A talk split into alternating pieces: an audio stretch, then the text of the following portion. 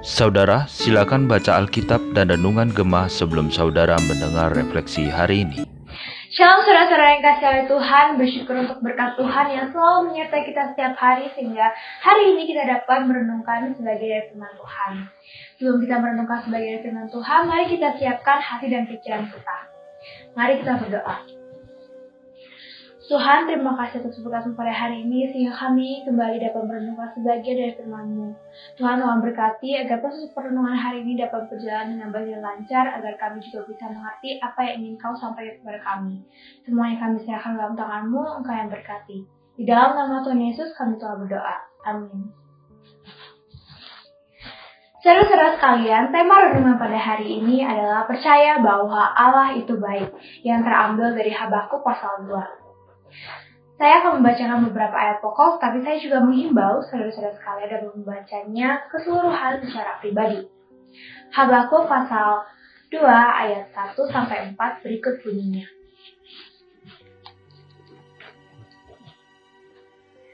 Aku mau berdiri di tempat pengintaianku dan berdiri tegak di menara. Aku mau meninjau dan menantikan apa yang akan difirmankannya kepadaku, dan apa yang akan dijawabnya atas pengaduanku. Lalu Tuhan menjawab aku demikian. Tuliskanlah penglihatan itu dan ukirkanlah itu pada loh-loh, supaya orang sambil lalu dapat membacanya. Sebab penglihatan itu masih menanti saatnya. Tetapi ia bersegera menuju kesudahannya dengan tidak menipu. Apabila berlambat-lambat, nantikanlah itu. Sebab itu sungguh-sungguh akan datang dan tidak akan bertangguh. Sesungguhnya orang yang membusukkan dada tidak lurus hatinya, tetapi orang yang benar itu akan hidup oleh percayanya.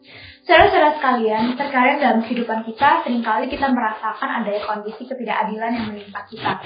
Padahal kita telah berbuat baik, mengikuti semua perintah Tuhan, namun sering kali kita merasa bahwa kondisi hidup kita itu tidak lebih baik daripada orang yang sering kali melanggar firman Tuhan.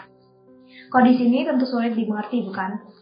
Sama seperti apa yang dialami oleh Nabi Habakuk, ia juga merasakan ketidakadilan ketika mendengar penjelasan kepada Tuhan bahwa Tuhan nantinya akan menggunakan bangsa Kasim yang lebih jahat untuk menghukum bangsa Yehuda. Walaupun dalam kebingungannya, Nabi Habakuk terus belajar untuk mempercayai apa yang menjadi keputusan Tuhan.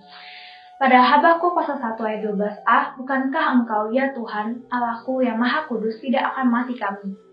Dari hal ini menunjukkan bahwa Nabi Habakuk mengerti dengan baik bagaimana kebaikan Allah. Dan makanya ia percaya bahwa keputusan Tuhan nantinya juga tidak akan bertentangan dengan kebaikan yang diberikan oleh Tuhan. Dari kejadian ini juga Tuhan juga tidak akan membiarkan umatnya itu nanti akan dibinasakan oleh bangsa kafir. Malah Tuhan yang akan menebus dosa-dosa mereka.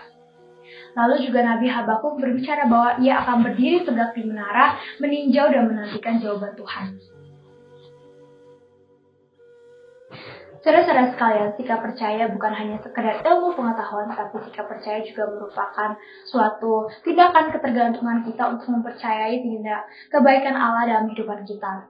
Mungkin sering kali kita melihat orang percaya itu sering tertindas, lemah, tidak berdaya, tetapi jauh daripada hal tersebut, Sikap percaya itu membuat orang percaya bisa melihat sesuatu di luar batas penglihatan mata, di mana kita bisa melihat begitu dahsyatnya peran Tuhan, begitu berdaulatnya Tuhan atas segala sesuatu yang terjadi di dunia ini. Lalu saudara-saudara sekalian, mungkin kita sering merasa bahwa yang terjadi dalam kehidupan kita itu dan keputusan Tuhan atas kehidupan kita sangat berbeda dengan apa yang kita inginkan. Tapi jauh daripada hal tersebut, tuh kita harus percaya bahwa Tuhan tetap menyediakan sesuatu yang terbaik bagi umatnya. Maka dari itu kita harus percaya teguh kepada Tuhan bahwa Tuhan tidak akan pernah menyiapkan sesuatu yang buruk bagi umat-umatnya. Jika mungkin terkadang keputusan Tuhan atas kehidupan kita sering kali membingungkan, tidak apa-apa, kita harus belajar untuk mengerti dan meminta pertolongan Tuhan. Saudara-saudara sekalian, bagaimana dengan perenungan hari ini? Bagaimana juga dengan saudara-saudara sekalian? Apakah saudara-saudara sekalian telah mempercayakan hidup kita ke kepada Tuhan dan mempercayakan semua rencana Tuhan dalam kehidupan kita? Mari kita renungkan dan mari kita berdoa. Tuhan, terima kasih atas berkat pada hari ini sehingga kami bisa merenungkan sebagian dari firman-Mu. Kami juga kembali diingatkan untuk terus percaya bahwa rencanamu atas kehidupan kami tidak akan buruk, melainkan Tuhan pasti menyediakan sesuatu yang terbaik bagi kami. Tuhan kami juga meminta pertolongan-Mu agar kami terus dapat mengerti setiap dari rencanamu. Semua yang kami serahkan dalam tangan-Mu, Engkau yang berkati. Di dalam nama Tuhan Yesus kami telah berdoa. Amin.